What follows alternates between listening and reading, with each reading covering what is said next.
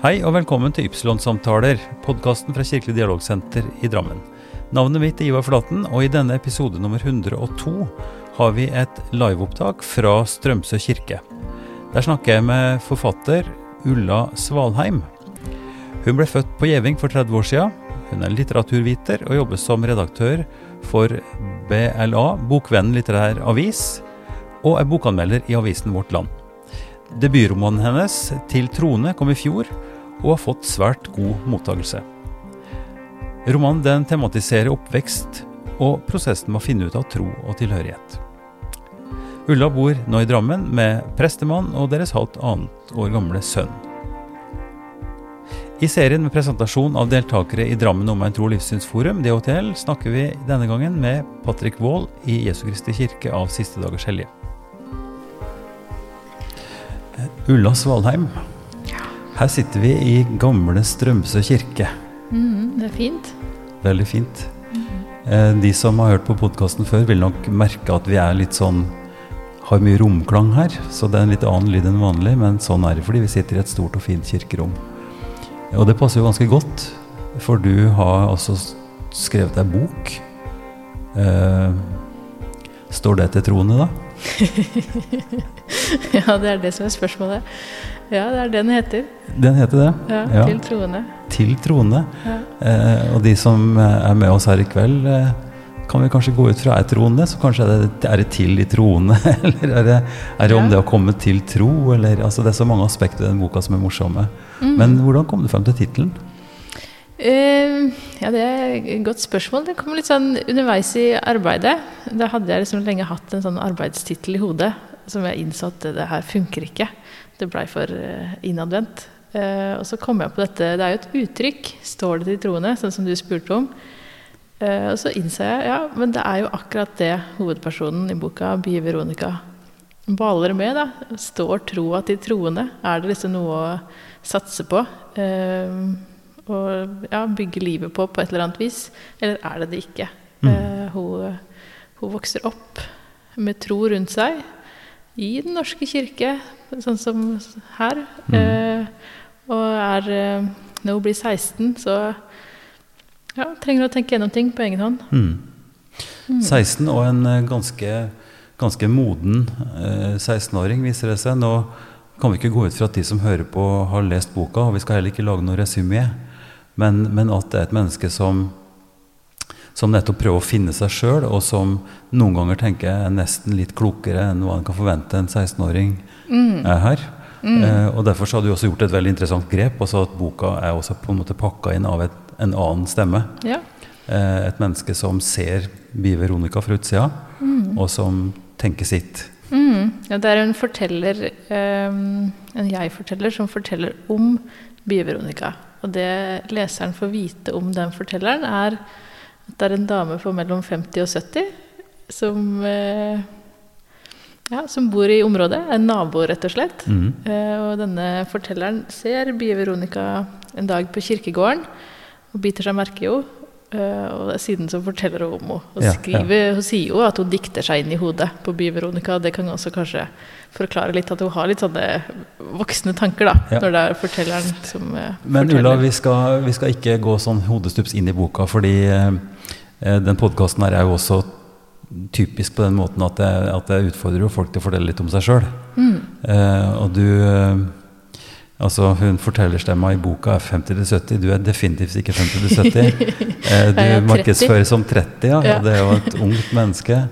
Eh, kan ikke du si litt om, eh, om bakgrunnen din, oppveksten din? Ja, jeg eh, kommer fra Gjeving i Tvedestrand. Er så, Tvedestrand ligger jo eh, ja, i Aust-Agder, eller forhenværende Aust-Agder. Mm. Eh, men eh, en kommune på 6000 innbyggere. Men jeg er da fra Gjeving, tettsted på 350 innbyggere. Ja. Så det er et lite sted. Um, bodde der hele oppveksta. Likevel så prater jeg jo østlandsk, så det skylder jeg på foreldrene mine for, som er østlendinger. Mm. Eh, men har eh, ja, studert i Oslo. Flytta til Drammen for snart to år sia. Så ganske fersk travetser. Mm. Ja. Og fersk, ganske fersk mor også. ja. Har en gutt på ett og et halvt. Ja, litt over det. Mm. Uh, mm. Så kom denne boka i slutten av januar, så det er mye som er litt ferskt. Det er det. uh, um, Podkasten Ypsilon-samtaler ønsker jo på en måte å touche det eksistensielle. Altså grunnlaget for hvordan vi tenker og er sånn som vi er. Og, og litt også rundt det med, med tro og, mm. og tvil og, mm. og, ulik tro, kanskje. Eh, og gjeving, altså det plasseres jo på et sted i verden som, som er relativt kirkeorientert. Ja, vet du, jeg har alltid trodd, inntil liksom jeg, har gitt ut denne boka, at Gjeving egentlig var en del av bibelbeltet. Man sier jo om på en måte Sørlandet litt sånn generelt, at mm. der, der, er du i tjukkeste bibelbeltet. Men akkurat Gjeving har faktisk vært litt sånn arbeidermiljø. Ja, Pga. Okay. sånn klesklypefabrikk og litt ymse. Ja. Men det er jo såpass lite sted at det skal ikke så mye til i den ene eller andre retninga før du mm. Ja. Men, men la nå det fare, altså bakgrunnen for Gjeving og sånn, men din oppvekst, da. Oppvekst, ja. Din familie, altså kirketilhørighet, uh, ja, osv. Jeg vokste opp med å gå jevnlig i kirka. Uh, I Dyvå kirke, som er uh, syv kilometer hjemmefra. Mm. Der var det ja, Det er jo lite der, så det var gudstjenester annenhver uke da jeg vokste opp. Og var stort sett der. Der, mm. var, det, der var vi kanskje 30 på gudstjeneste. Mm. Mye gamle folk. Mm. Og kanskje en annen barnefamilie, men ikke noe sånn ikke noe sånn stort miljø. Um, og heller ikke noe særlig ungdomsmiljø der jeg vokste opp. Mm. Uh, og det, ja, det, det, det har nok prega meg. Jeg har liksom kjent meg mye aleine om det å bare å, å, ha, å, ha, en tro, og være troende. Og kjent på at det å komme fra en kristen familie, det skiller seg ut.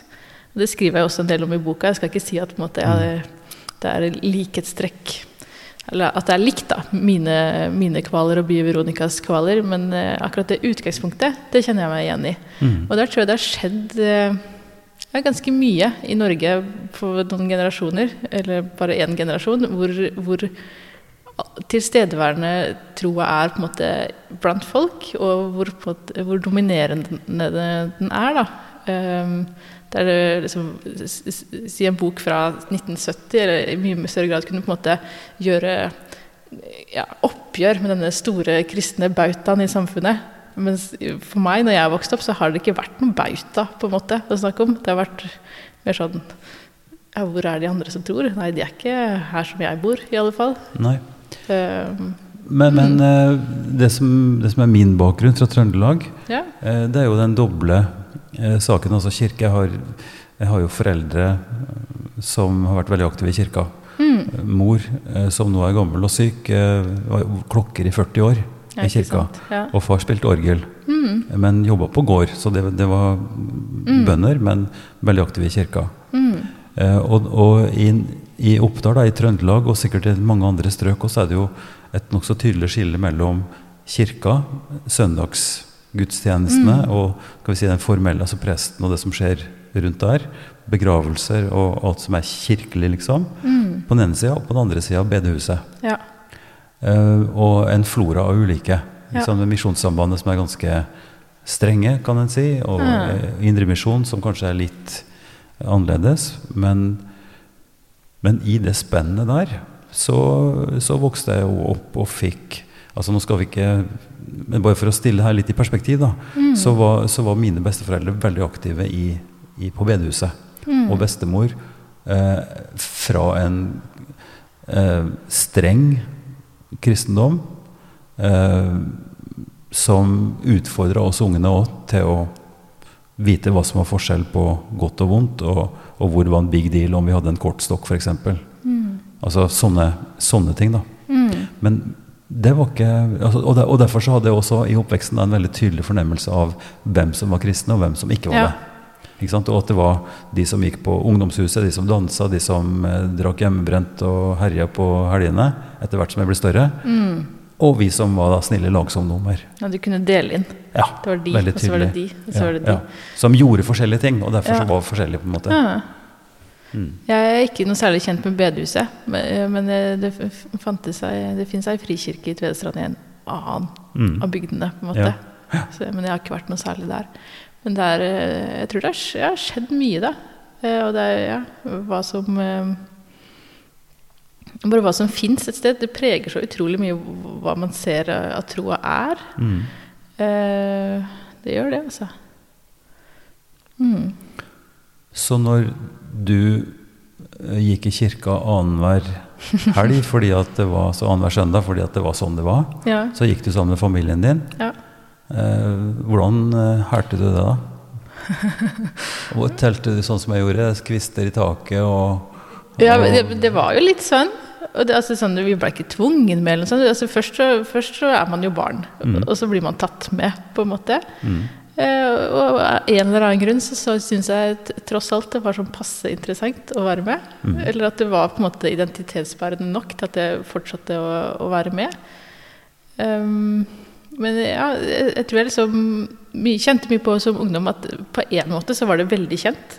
Hadde jo vært der annenhver søndag. Mm. Da er man kjent, ganske kjent i kirka. Eh, men på den andre sida så er det sånn at ja, hva tror jeg på? Eh, det er jo en sånn prosess en er nødt til å gå gjennom som menneske, som individ. Det, tror jeg. Selv om altså, man, man væres jo av fellesskapet og lærer mye av fellesskapet. Mm. Eh, men for meg så har det vært sånn bevisstgjøringsprosess. Og liksom eh, etterpå liksom skjønner jeg men hva er det for noe? Hva er denne liturgien? Ja, jeg kan, kan den utenat. Og blir som alle andre litt sånn sur hvis det kommer en annen melodi jeg ikke kan, for da får jeg ikke vært med, på en måte. Men, eh, Eller ikke sur, men litt sånn litt, Ikke lei seg heller, men det er sånn «Åh, Skulle jeg ikke få synge den? Men så må man jo ja, etterpå liksom fylle det litt inn, da, Mm. sjøl. mm. Men ja. Det, det er alltid interessant å høre hvordan andre har vokst opp med tro. Mm. For det er sånn, Når jeg har skrevet denne um, boka, så er det jo mye fordi Jeg, jeg syns liksom fortell, fortellinger jeg har hørt da, om å vokse opp med tro, eh, ofte kan ha vært sånn Ja, jeg har vokst opp i et sånn og sånt begrensende miljø. Eh, som kanskje har satt klare og tydelige rammer, tenkt sånn og sånn mellom, om skillet mellom godt og ondt. Um, og det kjenner jeg meg ikke igjen i. Eh, og, og når du har et sånt begrenset miljø, hvis det er på en måte fortellinga, så får du også det oppgjøret i andre enden Mm. ofte. Det, Ja. ja, ymse på film og TV og det ene og det andre, så kommer den fortellinga om tro. Mm. Og, og ja, jeg kjenner meg ikke igjen i det, så jeg har på en måte prøvd å skrive en annen bok om å arve tro, der, der, som også ender i at man velger det. Eh, og det er sånn eh, Jeg prøver å legge vekta på, på det med å arve troa nettopp fordi at eh, det, det er ikke sikkert jeg hadde tenkt på meg sjøl som troende hvis, ikke- jeg hadde vokst opp i det. Nei. Det er jo helt klart veldig bestemmende for at jeg endte opp der sjøl. Naturligvis. Altså, Ja. vi, vi, vi hadde en stor greie på det. Jeg st- startet jo fra folkehøgskolen, og så startet vi på, på MF, en hel gjeng av oss, på teologi og, og kristendomsstudiet. Og da brukte vi veldig mye av første året på å snakke om det merkverdige i at vi, av alle i hele verden, altså i Norge, skulle ha den ene troa som faktisk var den frelsende tro, og som gjorde at vi Ja. eh, på en måte altså, Som konsept, da. Altså at- at sannheten og, og vår måte å gjøre det på skulle være den riktige. Og det, det spørsmålet må du jo så klart stille deg på mange måter.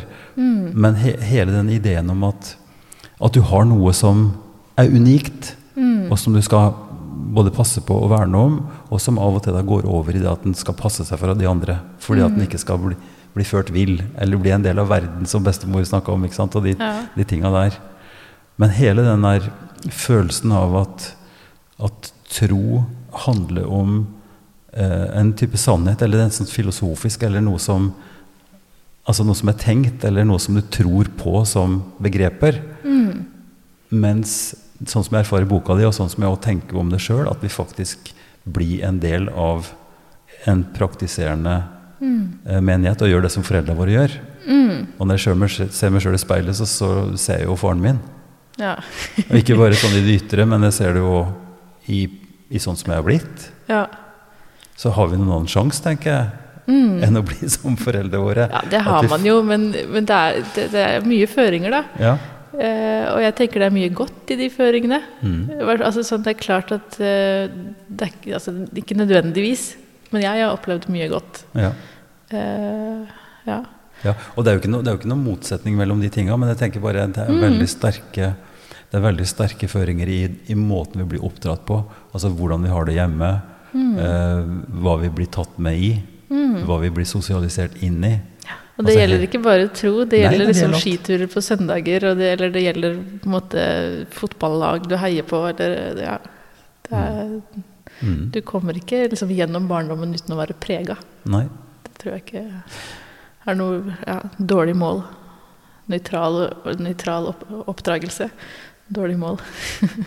Det, det tror jeg er vanskelig å gjennomføre i praksis òg. Vi, Ja. vi er nok en del av en helhet, og dess mer vi er bevisste, tror jeg, dess bedre er det på en måte. Mm. Men eh, når du nå i din Altså du, når du studerte, så kan ikke du si hva, hva som var studieinteressen din også? Jeg studerte litteraturvitenskap. Eh, Jeg var innom et år faktisk i sånn KRLE, kristendom, religion og livssyn og etikk. Men jeg hadde aldri tenkt at det skulle liksom bli noe mer enn bare et år. Eh, Så jeg har studert litteratur, litteraturhistorie, litteraturteori, den type ting. Mm. Mm. Og jobber med det. Og, Jeg jobber med det nå. Og leser. Altså jobben Ja. din er at du pløyer metervis eh, og ser på og vurderer og skriver om hva som er godt og, og mindre godt, og Ja. forskjell på skitt og kanel. Ja, ja. Er, er ikke det Du kan oppsummere krevende? det sånn. Ja. Ja. det er mye lesing. eh, og ideelt sett så, så, så, altså sånn jeg, så vil jeg gjerne at jeg skal på en måte kunne lese en bok og, og få tenkt ordentlig gjennom den. Og jeg prøver å tenke så godt jeg kan. Men jeg innser at i perioder så blir det mer lesing enn jeg klarer å liksom helt fordøye. da. Mm. Eller sånn ja, Noen ganger så lurer jeg på er, Blir det mer lesing enn man på en måte har tid til å at, at, at, la det synke inn og la det gjøre inntrykk? Men eh, sånn er det. Eh, og, og, det er veldig, veldig Det føles rikt å få lov til å lese så mye også. Det gjør det. Mm. Mm. Eh, Fortell oss om ei vanlig uke Eh, I, på jobben. på jobb. Nå har jeg eh, litt sånn, kombinerer litt flere ting. Eh, jeg skriver bokanmeldelser for Vårt Land. Eh, og er, har en halv stilling, 50% som redaktør for en månedsavis for litteratur som heter Bokvenn litterær avis. Så da er jeg kanskje i Oslo to dager i uka. Tar tog inn eh, for den redaktørjobben. Der har jeg Vi har to redaktører sammen, så der har jeg en kollega. Og så er det andre i forlaget som eier avisa, som jeg treffer da. Så der har jeg faktisk et lite miljø. Mm. Men for eh, kritiker-anmelderbiten så sitter jeg mye hjemme. eh, leser bøker. Det er litt sånn arbeid som går litt når jeg finner tid. Kan fort være mye kveldslesing, Mm. eh, men klarer jo liksom ikke helt Altså det er jo jobben min, Mm. men det føles jo ikke som å på en måte sitte og jobbe til langt på kveld bare fordi jeg sitter og leser. Um, og skriver kanskje to-tre anmeldelser i måneden. Det går bølger litt. Helst tre. Mm. Uh, og da er det sånn levere den, jeg skal levere tirsdag. Da skriver jeg den ferdig tirsdag.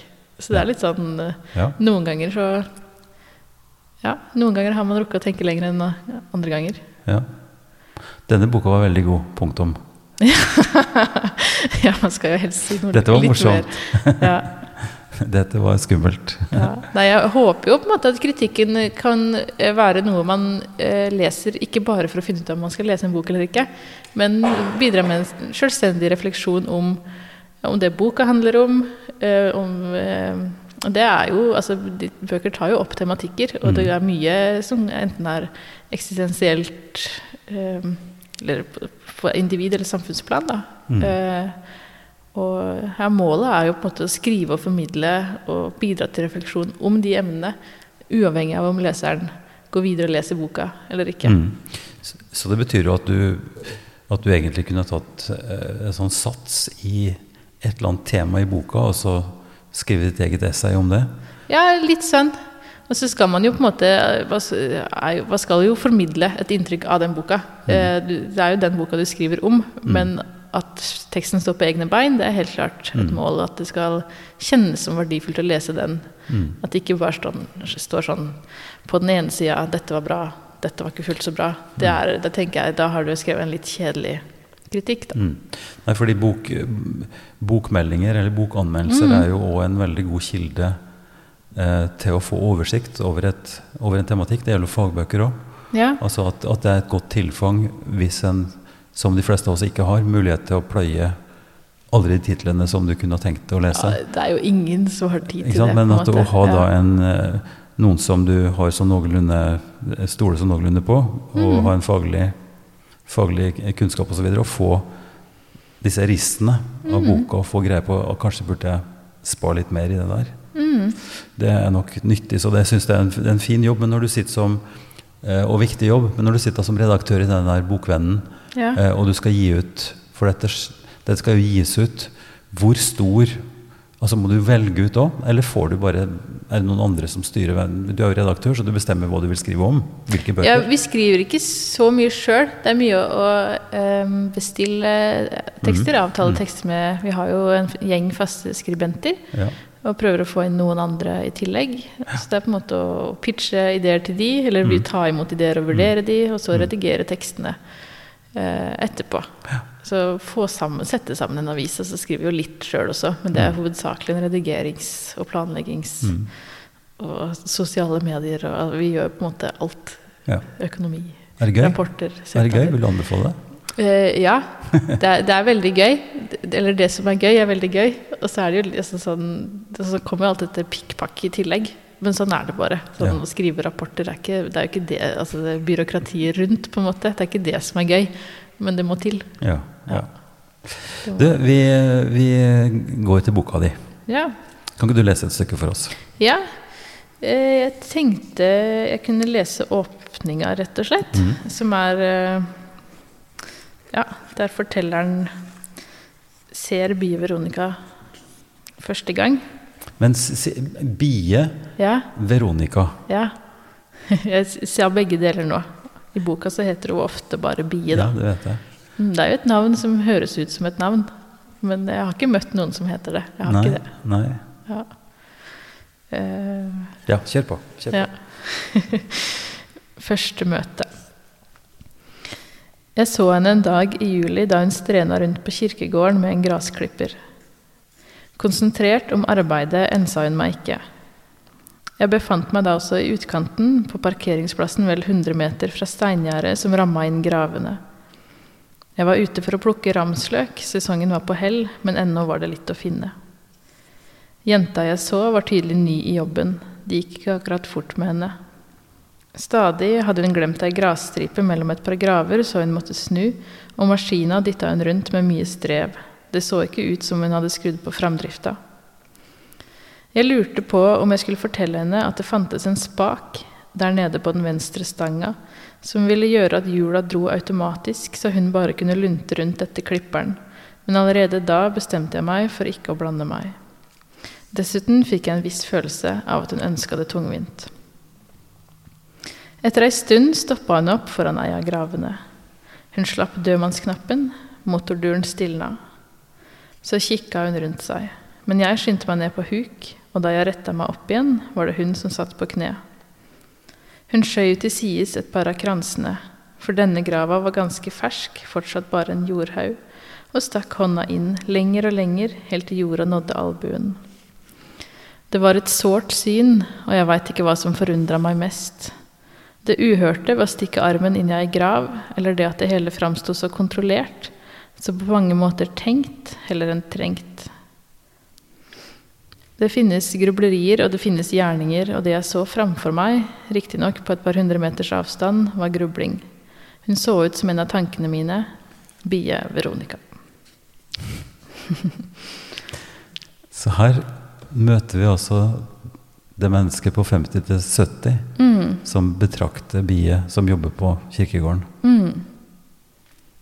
Det ja Møter fortelleren og møter Bie. Og det er eh, Bie som seinere gjetter at fortelleren er mellom 50 og 70, så vi veit jo for så vidt ikke det sikkert heller. Nei, eh, nei. Vi kan jo tro at det stemmer. Ja. Og, og Bie Veronica, eller Bie, da, kneler altså ned ved ei grav og stikker Mm, hånda si ned i jorda på ei relativt fersk grav. mm. Eh, og det er grubleri. Ja. eh, Det er, det er altså sånn det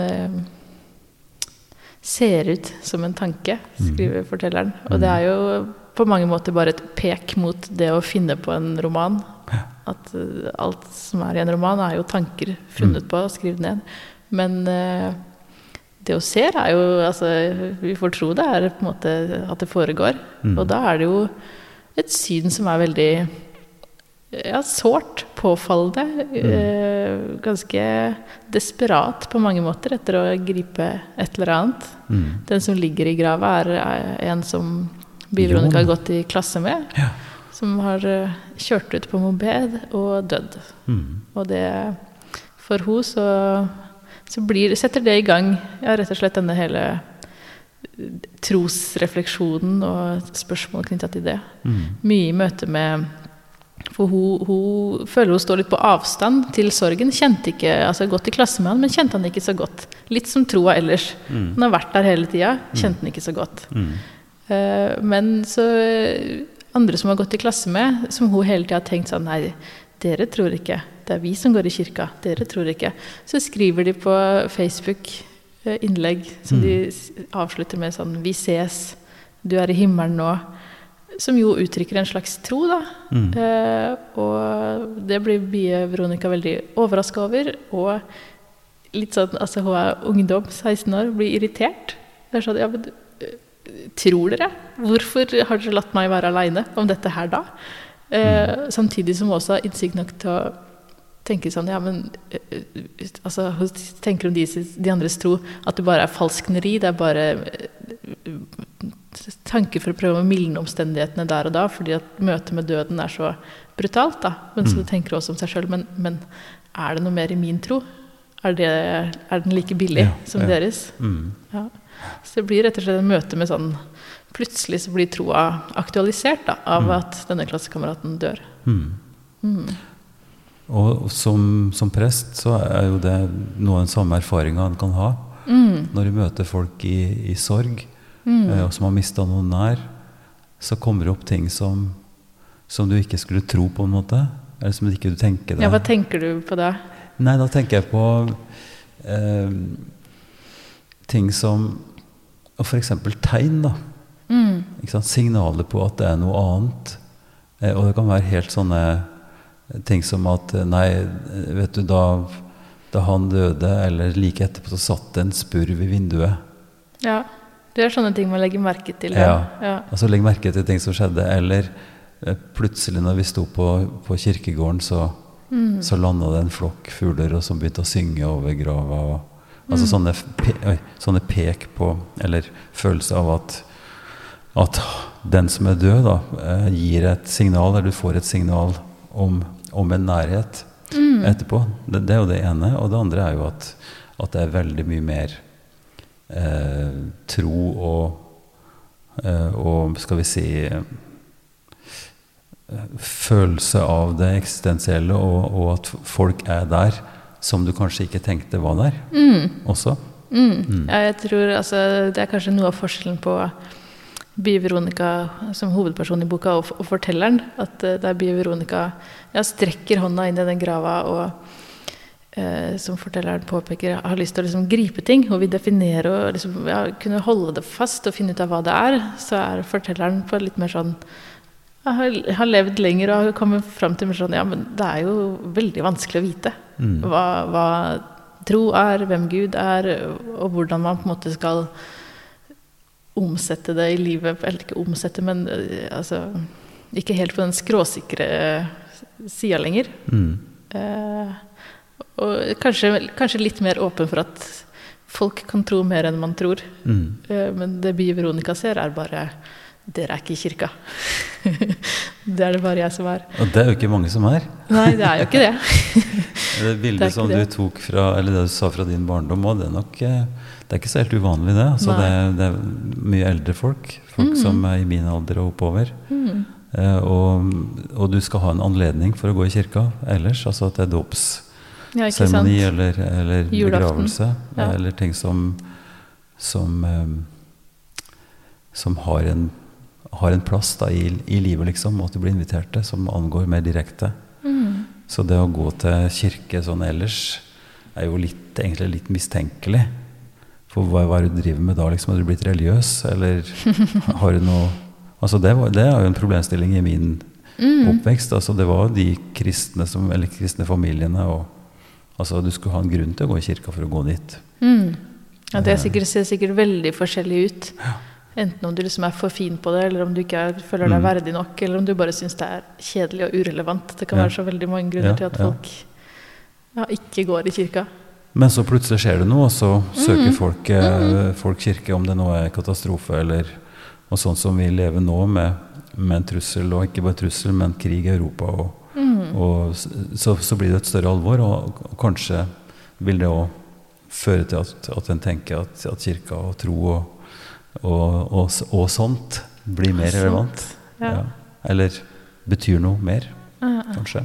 Jeg syns det er vanskelig å spå, på en Mm. måte. Mm. Eh, Vi er jo akkurat ute av pandemi og nedstengelser og restriksjoner. Mm. Eh, Og så ja, kommer det ny omveltende erfaringer. Så det er jo Ja. Vi får se. Mm. Han eh, Jon, Mm. han drev jo og Han som dør. Han som dør. Ja. På mopeden. Han var en sånn litt skal vi si, rufsete gutt. og, og drev og, og erta vel Bie litt, eller pusha henne til å skulle banne. Mm. Um, så det er jo Altså, hvordan tenker du forholdet mellom, mellom Jon og minnet av Jon, eller sånn som hun bearbeider det i, i boka? Si litt mer om det. Minna Jon Ja, eller altså hans innvirkning, eller når du tenker tilbake på han og, og sånn. for, for Bi-Veronica. Ja. Nei, altså det er jo på en måte eh, jo Når han dør, da, så tenker jeg at hun blir veldig prega. Eh, I den forstand at det er jo ufattelig tragisk Ja. når et så ungt menneske dør i en ulykke. Eller uansett. Mm. Eh, men så er det den, nettopp den følelsen som, som altså, det, er- det er på en måte tragisk, men så kjente han ikke godt. Og har også noen sånn, ja, litt vonde minner. Mm. Ikke sånn kjempevonde. Han oppfordra henne til å banne på barneskolen, og det er sånn Det kommer man over, på en Mm. måte. Ja, ja. Um, men, men har liksom, ja, jeg har ikke det der hjertelige forholdet til han.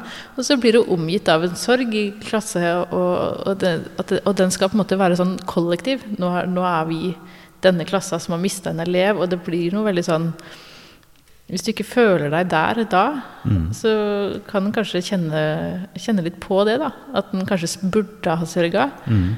At en burde kjent det større alvor enn en gjør. Og Bi-Veronica kjenner på et alvor på sin måte, Mm. men kanskje ikke sånn som hun ser for seg at de andre gjør. da. Nei. Mm. Ja. Det, sånn kan det sikkert være i mange tilfeller. altså i ulik grad, men når det er ulike rammer, så er det jo på en måte enten det er skred på Gjerdrum eller det er det ene eller det andre, så er man jo på et eller annet nivå berørt. Men det er klart at noen er jo mye mer berørt enn andre. Og her i, for, i tilfelle Jon i boka her, så er det klart at eh, en familie som har mista en sønn, de er kjempeberørt. Mm. Vennene er mye mer berørt enn denne litt mer perifere skikkelsen. Mm. Og ja, det er rett og slett forskjell Ja, eh, på hvor tett man står på døden. Ja. Altså det er litt, jeg må jo være litt personlig og, og si at for meg så er det jo ganske spesielt nå, fordi jeg kom i dag tidlig fra Trondheim, fra St. Olav hospital, Mm. der mor ble lagt inn på lørdag med, med hjerneblødning. Mm. Menneske på 92 år, og som har levd liv, og, Mm. og som, som er ferdig med livet. Men hva det gjør òg, jeg tenker spesielt med, på familien, hvordan vi som søsken da, søker sammen, og fellesskapet i familien blir veldig tydelig, eller en stor hjelp, og noe som, som, altså, som bringer oss sammen òg. Mm. I en, en sånn sorg- og, og sykdomssituasjon.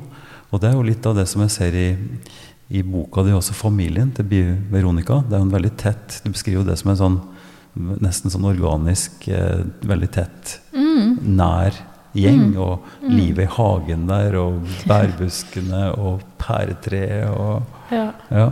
Altså det, den følelsen av enhet og styrke da, i, i familien, det er Ja. også noe som, som spiller en veldig viktig rolle i boka, sånn som jeg leser det. Mm.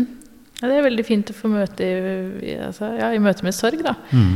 Eh, Det er jo ikke nettopp i møte med sorg, kanskje det er i familien i boka. Mer sånn Ja, som 16-åring så er hun jo veldig på Altså på en måte ferdig med barndommen. Eller kanskje ikke ferdig med barndommen, men på vei ut av den. Mm. Eh, I samfunnet i dag så er det kanskje vanlig å tenke på en tolvåring som ferdig med barndommen. Jeg veit ikke. Så hun er på en måte litt sånn overmoden. Men Ja, det, det tette båndet Jeg har tenkt på det som en sånn eh, ja, litt sånn forsterkende effekt av dette med å skulle finne ut av ting på egen hånd, samtidig som Ja, det er jo å skildre familien. Mm. Eh, Men det, det, gir en sånn veldig god følelse av at her folk bryr seg om hverandre. og mm, Samtidig så ja, for, Forholdet mellom de, så klart du beskriver det på en måte som at det er spenninger der, og det er frigjøring, og det er alt det som skjer i en, en familie også. mm, Men, eh, men jeg syns det, det, det er godt å lese om, om det her, og gir eh, Vi Veronica en, en veldig tyngde og, og trygghet også, mm. midt i den utforskinga. Ja. ja, men det er bra. det Jeg vet ikke, jeg, jeg kunne tenkt å lese et, et annet avsnitt. altså Det som du skriver hele veien nå, det er jo disse lignelsene ja. og metaforene og, og, og ting som Ja, altså en to tolkning, eller hvordan en ser på ting. Det, det syns jeg er også noe du tar mye opp. Ja, det er eh, Ja. Nei, jeg utforsker eh, mye det hvordan jeg, jeg har tenkt at det å tro ligner jo mye på det å lese. Mm. Eh, Eller sånn du, du ser virkeligheten og verden rundt deg. Og som du sa om de spurvene i vinduet. Lurer på ja, hva, betyr, hva betyr de spurvene? Er det her liksom en, Mm. et, et vink fra Gud? Prøver å få får, jeg, får jeg en slags beskjed nå? Eh, og det kan man jo kan sikkert være sterkere og mindre sterkt i stedet for, for ulike folk. For Bi Veronica, i den fasen hun er i der hun prøver å finne ut av ting, så er det veldig sterkt til stede, uten at hun nødvendigvis føler at hun kanskje får noe klarhet i egentlig noe særlig. Mm. Eller sånn, hun leiter etter Gud. Ja, er det Gud? Er det Gud? Mm. Og så klarer hun jo aldri å se ja, der, det Nei. var Gud. Um, men kanskje jeg kan lese et lite stykke um, Ja, der hun nettopp leiter etter, etter Gud uh, i Ja, en liten hendelse. Um, skal vi se Ja, hun uh, Han våkna om morgenen og er på vei ned uh, i huset mens de andre sover. Um, ja, bare hvor jeg skal, hvor jeg skal begynne. Ja, jeg kan begynne der, egentlig. Huset Bie bodde i, var et stort familiehus. Bies rom lå i andre etasjen, i hjørnet mot vest. Der fantes ei seng, ei hylle med bøker, en pult, et klesskap hvor det en gang hadde vært festa en glansbildeengel på døra, men nå var, det, var, nå var den malt over sammen med resten av skapet og kunne bare skimtes som et svakt omriss. Utafor rommets vindu sto, som jeg har nevnt, et pæretre. Det var mandag morgen, han kom snart til å våkne. Nå våkna hun. Det var ennå tidlig, vinduet sto åpent, og et insekt svirra rundt inne hos henne. Bie V fulgte det med blikket. Var det en veps, ei humle, ei bie, som hun var oppkalt etter? Blomsten og bia av foreldrenes fruktbare unge år, som hun var et resultat av? Eller kanskje ei blomsterflue, som herma vepsens form, som evolusjonen hadde valgt ut for den? Men hva det nå enn var, opptok det den spente oppmerksomheten hennes. Dette var dagen, hun kjente det som et sitrende nedslag av forventning i kroppsmassa. Dette var dagen da Gud ville dulte til henne, hilse på. For hadde hun ikke våkna meg i visshet om at betydning fantes? I går trodde hun ikke, men nå? Hun skjøv dyna til sides og sto opp, lukka vinduet og drakk opp resten av vannet i glasset hun hadde stående. Insekter landa på pulten hennes. Det så ut som ei bie, men hun var ikke sikker. Hun fanga den med glasset, den flaksa hardt mot veggene. Nå trengte hun bare å finne den, betydninga. Intuisjonen lyste som ei ledestjerne på baksida av øya hennes. Hun trakk ei stor skjorte over den side nattkjolen og gikk ut av rommet, ned i stua. Der hørte hun et verre oppstyr ute i hagen. Hønene klukka, klukka stressa og flaksa rundt, og hun skyndte seg til utgangsdøra. Åpna den og fikk se en hønsehauk stående med klørne i ei av hønene. Bie byksa til, løp mot den, veiva med armene og ropte husj.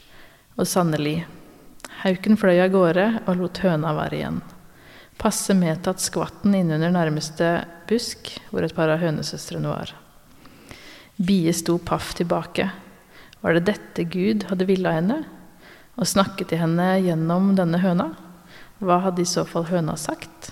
Hadde Gud brukt henne for å redde den? Eller var det hauken som skulle avlevere et budskap? Hva betydde det alt sammen? Og var det ikke litt vel påfallende at dette skjedde bare et par dager etter hønebegravelsen? Jeg kan lese resten nå. Mhm. Hun gikk og satte seg i drivhuset, som trengte en beskyttelse. Det var ikke stort, det var i hardplast med lufteluke i taket. Det lukta jord og trygghet, og mellom tomatplantene, urteplantene og de spede forsøka på paprika fantes ei varm vennlighet. Hun var aleine her, uten Gud, tenkte hun. Denne morgenen hadde gitt henne et øyeblikk av klarhet.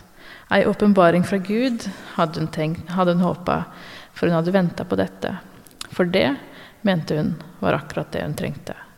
Hun hadde ønska seg en drøm, en blendende engleskikkelse eller, et, eller en kraftig vind, og da hun hadde våkna og deretter stått opp for å følge etter snevet, hintet, invitasjonen hun mente lå i lufta, som bia hadde brakt henne, hadde det kjentes som om hun hadde et spor å følge, en slags løfte om nærvær, om omsorg for alt hun var, kropp og sjel og vilje, alt sammen bare knopper.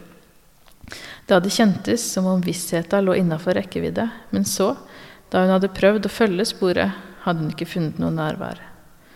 Ei brutalt angrepet høne, men ikke noe nærvær. Ingen varm følelse hadde bredt seg i kroppen, hun hadde ikke mottatt noe budskap, nei, heller hadde hun sunket tilbake til sitt normale. Og nå satt hun altså her på en krakk blant plantene og visste at hun var aleine. Hun tok en tomat, tygga den i seg, og det slo henne at all denne håpefullheten til dagen og hva den skulle bringe, nok ikke skyldtes noe annet enn at dette var dagen hun var født, 16 år tidligere. Fortsatt fylte visst bursdagene henne med forventning. Barnlig forventning var hun fortsatt et barn. Ja. Så der har du, der har du bie Veronica. Ja. En med en Guds forventning som viste seg å være bursdagsforventning. bursdags... Ja, bursdagsskribling. Ja. Ja. Det var 16-åringen. Men eh, ja, det er jo veldig, veldig ja, eksplisitt her. Mm. Eh, og kanskje litt satt på spissen i forhold til ja, I hvert fall i forhold til hvordan jeg opplever ting nå, og for så vidt også som tenåring. Men jeg tror liksom at troende har jo den derre Man snakker jo om i kristendommen den naturlige åpenbaring. Har i hvert fall jeg hørt litt om. Og det er en tanke om at Gud viser seg i skaperverket. At man kan, man kan få glimt av Gud i det rundt Mm. oss. Mm. Eh, og, men, men det er jo en veldig lite åpenbar åpenbaring, i den forstand at det er ikke så lett å på en måte si det var Gud, når du ser vinden fare gjennom et tre. Du kan liksom ikke, du kan ikke vite det sikkert. Eh, og da, da, da er du overgitt da, til å tolke, Mm. og til å, å, å skape liksom mening i det du ser rundt deg på egen hånd. Og det, ja, det er, det er, da har man litt å holde på med. Man har litt å holde på med. Eh, og også en forventning da, om Ja. at, at, at ting skjer. Altså, Mm, sånn som den tida vi er inne i nå, når naturen våkner opp igjen. mm, Hele den der følelsen av at livet strømmer gjennom, gjennom verden igjen. Og at det blir sommer, at det blir grønt, at ja, fuglene synger osv. mm. Alt det der. Men jeg tenker også, du, du skriver jo også i, i boka di mot slutten med, om nattverden og om, Ja. om eh, altså det som skjer der, som også er både veldig konkret, men også ganske vanskelig å gripe. Mm, det er jo Eh, det. Det er kjempevanskelig å forstå. Ja, ja. Men, men jeg, tenker bare altså det, det vi gjør som troende, det er jo et, Mm. et helt spekter av ting. Det er mange forskjellige språk. Det ene er jo den erfaringa Mm, som, vi, som vi tolker, eller som vi tar imot som erfaring. mm, Men ellers så har vi jo alt det andre, det vi gjør sammen. Altså mm. at vi prøver å gjøre gode ting. Ikke sant? Det er jo også et uttrykk for det samme. Altså tro og, og praksis, liturgien som vi så vidt var inne på. Det med Mm. hva vi gjør når vi gjør gudstjeneste. Alt det der er jo uttrykk for at vi søker sammen i noen mønstre, i noen ting som holder oss sammen, og som gir en erfaring av noe større enn oss sjøl som ensomme individer i, Mm. Ja. i verden. Så, så jeg vil jo si at den tolkninga som vi er ute i, og som vi prøver å gi mening i natur og ellers, er jo bare én av Mange bestanddeler. Mange, mange Ja. bestanddeler som, som tro og som livserfaring og troserfaring består i. Da. Mm, ja, det er veldig sant. Og det er eh, Jeg tenkte på det eh, ja, som, som vi så vidt var innom. Altså, jeg har en sønn på ett og et halvt år. Og har liksom ja, han har vært med en del på gudstjeneste. Altså, det har vært pandemi, og så vi, når han begynner i barnehage, så er han sjuk. Jeg vet ikke, Man er jo sjuk hele tida når man har unger i barnehage det første halvåret. Men vi, noen ganger så har vi kommet oss til gudstjeneste. Uh, og, og, det jeg på en måte har merka da, det er jo for det første klin umulig å følge med på alt som blir sagt. Eller sånn Du, du må på en måte opp og gå. Uh, eller ja, du har liksom noen å aktivisere. Men allikevel så oppleves det meningsfullt å komme seg dit. Uh, jeg får jo på et eller annet nivå med meg hva som skjer.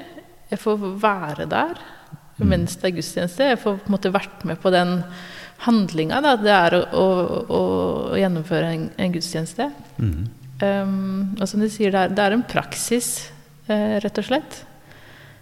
Um, jeg merka det særlig Og jeg merker at liksom akkurat, akkurat, nå så er det der troa mi er. På en måte Jeg har jeg eh, grubler ikke så veldig mye. Jeg er sikker på at det kommer tilbake.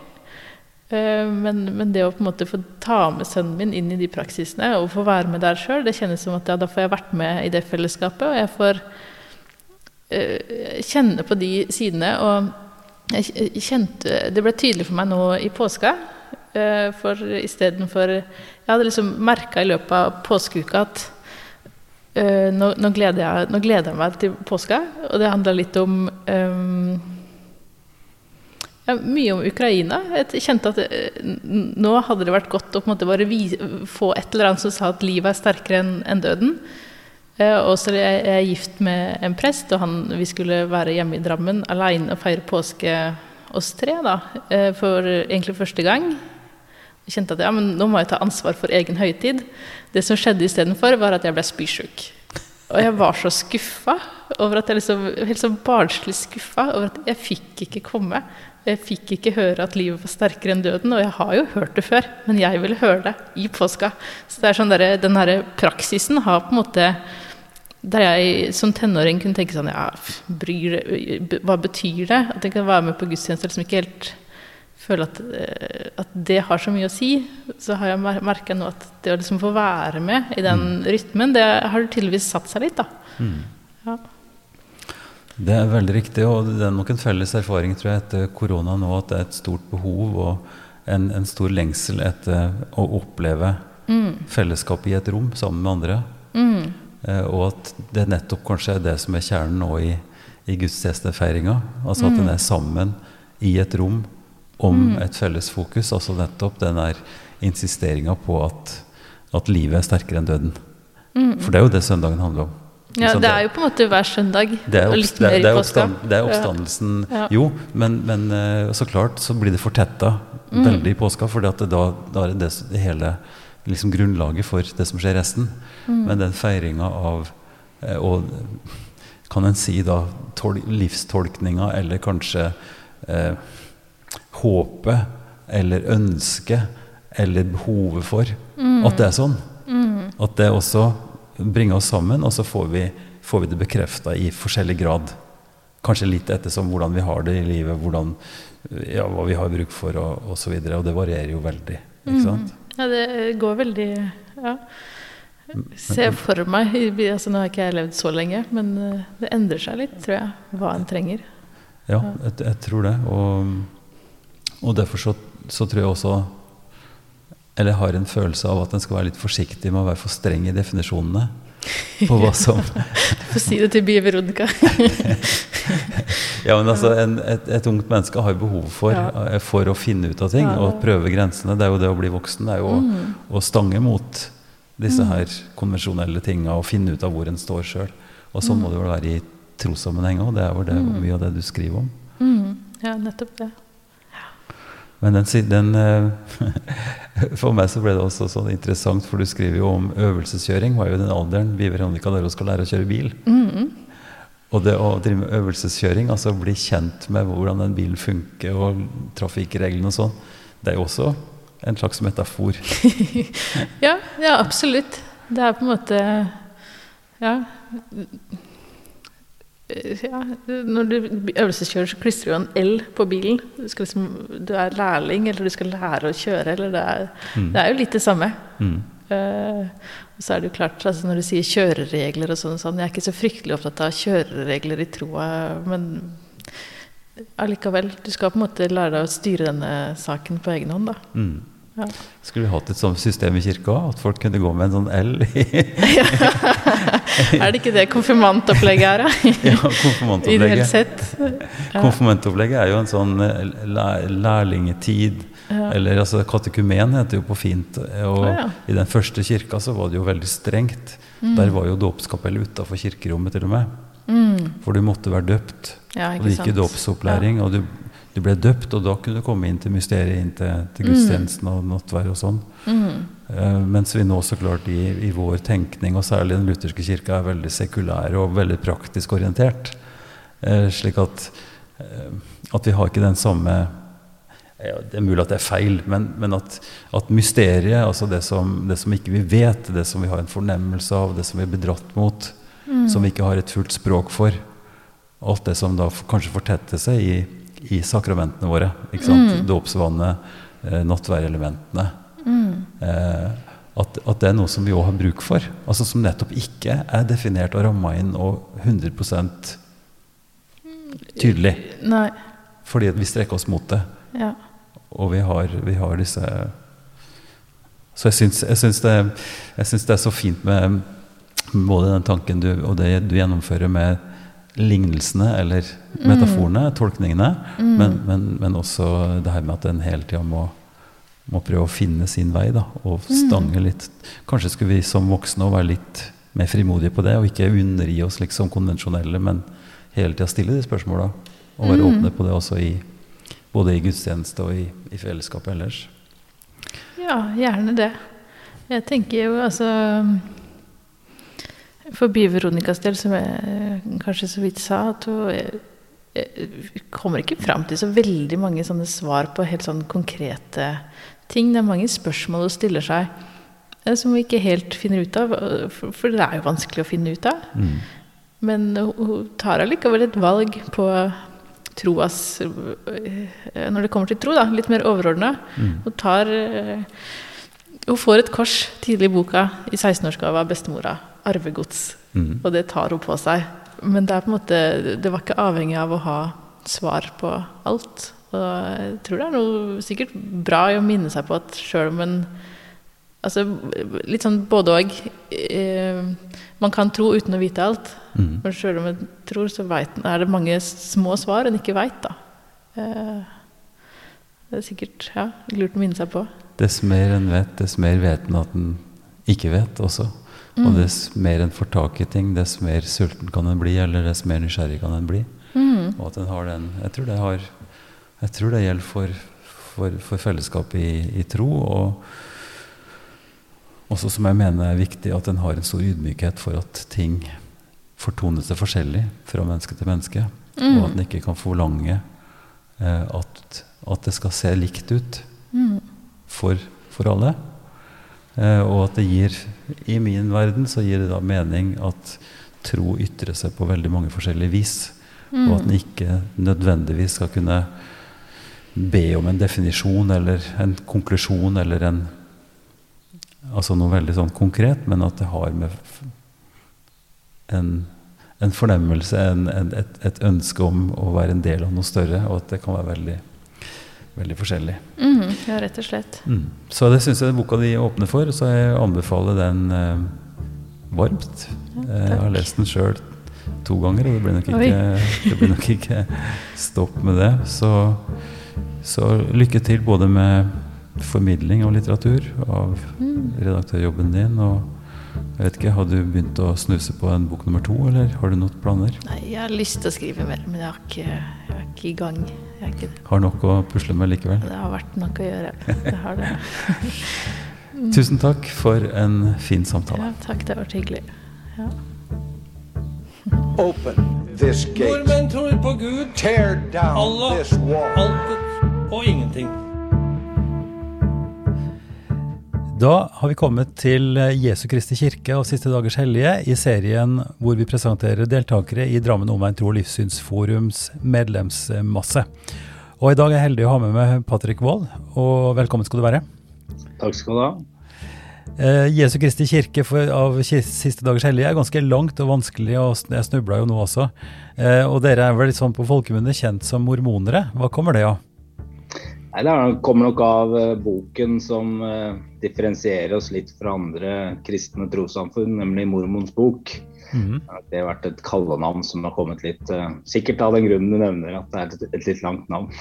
Ja, ja. Eh, ellers så må jeg jo si ved innledninga her at, eh, at jeg ble jo utsatt for et teaterstykke her for ikke så lenge sida. Ja, Eh, som, som jeg syns var Altså, én ting er at det var jo fryktelig morsomt. Eh, Så kan man si hva man vil om, om det var på deres bekostning eller ikke.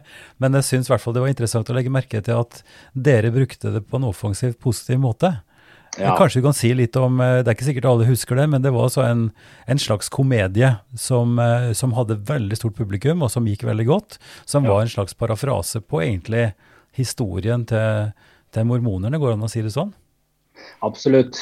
Nei, det var jo en musikal som ble satt opp eh, som, som, et, som du sier, et, en eh, flott musikal med mye fin musikk og også, også et eh, humoristisk tilsnitt. Eh, Men selvfølgelig som, som eh, gikk eh, hva vi kunne si på bekostning av oss da, Mm. og vårt eh, trossyn og, og oss som, eh, som et trossamfunn. Og Da har man jo to valg sant, i en sånn situasjon, eller sikkert flere valg, men sånn som vi så det, to, to valg. Det er å la seg fornærme eller å, eller å bli, bli bitre eller sure, eller så er det å bruke det som en mulighet til, å, til å snakke om det vi har lyst til å snakke om, og det vi syns er viktig. Og Da valgte vi jo det, og sto vel utenfor eh, teatret på alle forestillingene. og med slagordet at boken er alltid best, og det ut eh, vår mormors bok isteden. Og opplevde nok eh, mer, tror jeg, positivt uh, ut av det enn en, enn noe annet. Så, så, um, så tror det er, eh, det er definitivt mer strategisk klokt enn å stå der med plakater og skrike og, og bråke.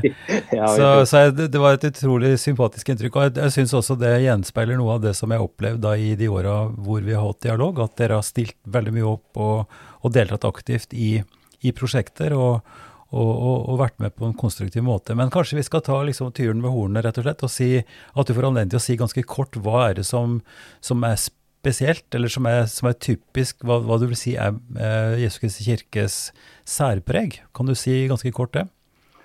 Jo, det kan jeg jo. Vi er et kristent eh, trossamfunn som absolutt tror på Jesus Kristus. En sentral rolle i vårt trossamfunn. Så doktrinelt så er jo der vi plasserer oss. Og tror jo på moderne åpenbaring. Altså at vi har levende profeter fortsatt i dag som leder da kirken vår.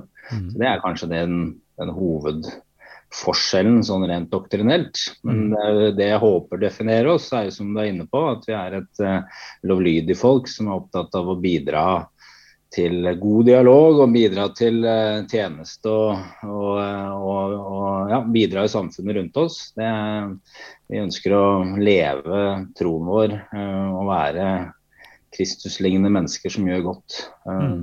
det, det håper vi er jo det som kjennetegner oss mer, mer enn noe annet. Ja.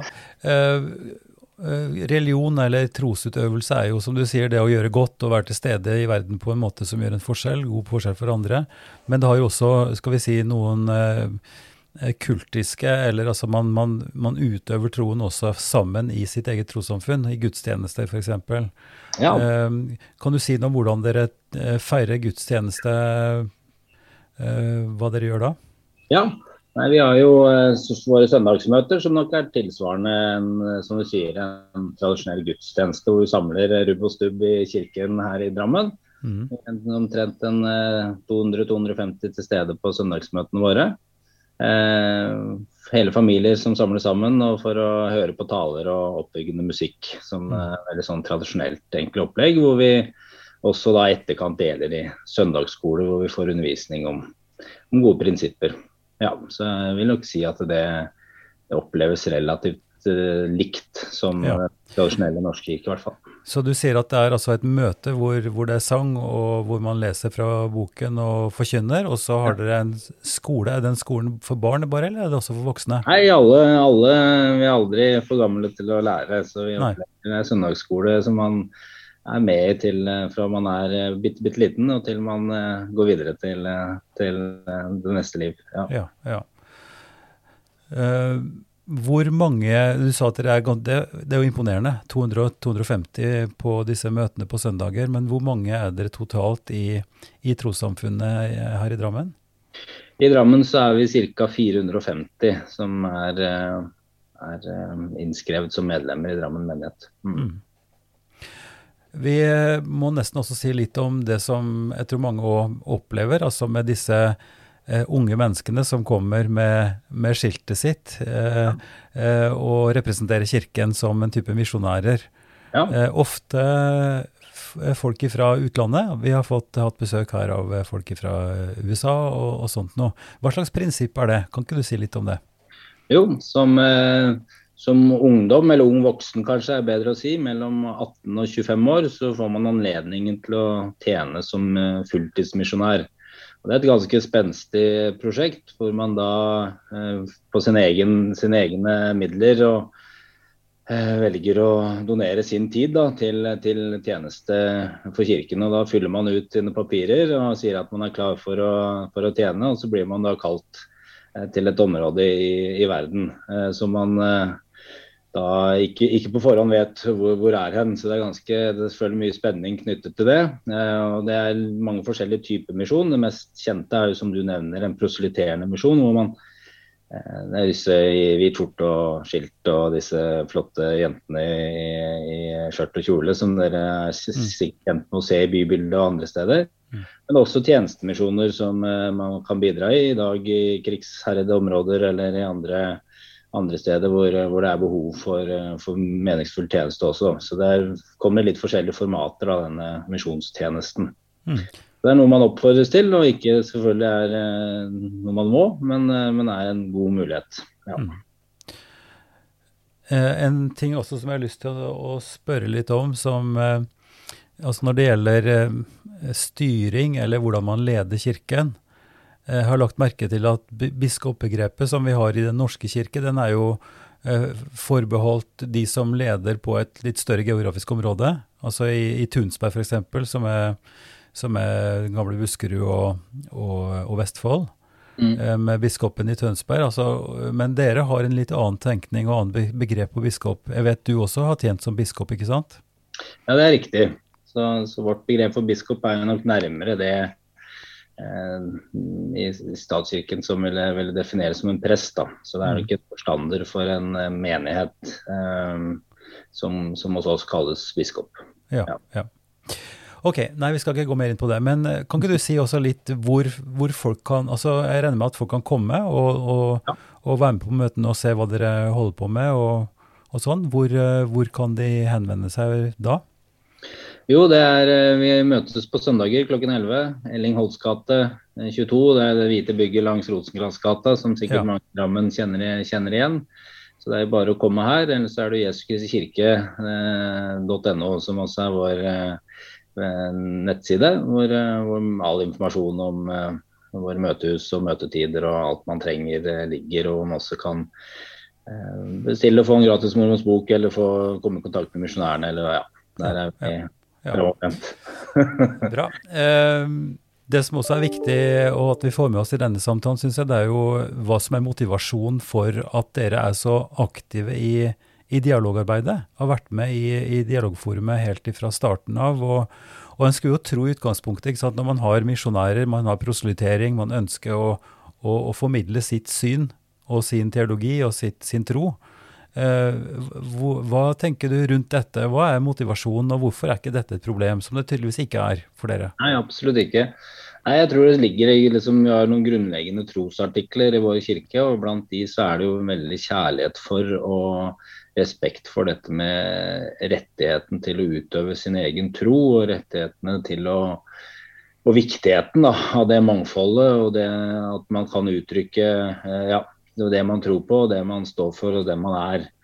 Um, så må jeg være veldig imponert over uh, det du spesielt, men også andre har gjort i uh, føler vi kom et veldig godt lys her i å bidra til det og til. Men, uh, men vi har nå prøvd å bidra litt. Men det, det var kom på min pult tidlig, min tjeneste som du sa som biskop. Og det var bare et eller annet med hele det tankesettet som, som, traff meg veldig, veldig uh, godt. Og det er også noe vi bidrar med, ikke bare lokalt i Drammen, men nasjonalt i Norge. Så er vi opptatt av å være med disse dialogforaene. Og det er en fantastisk måte hvor man kan eh, legge litt eh, fra seg sine ja, som du sier, krigsvåpen, eller hva du vil kalle det. Og gå inn og lære og få perspektiver. Og det er mange av disse samtalene vi har hatt i i regi av D2L eller andre lignende arrangementer som, som, har åpnet mine øyne og hjulpet meg å se ting på en annen måte. og eh, ja, eh, øker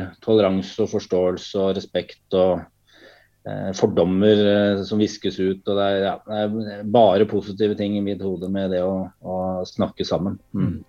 Det er jo en veldig god attest, så klart, som jeg tar med meg, og som vi kan bringe videre også. For det er klart det finnes jo òg uh, flere som, som, ser på dialogarbeidet som en slags utvisking av egen, av egen identitet. At man er redde for at, at, det skal bli en type sammenblanding, og at man blir svekket i sin tro osv. Uh, mens, mens ideen vår, og sånn som du også responderer på det, det er jo at vi vi syns det er viktig for nettopp å holde kontakten og kunne kjenne hverandre. Og kunne klare å forklare hverandre også hva vi står for.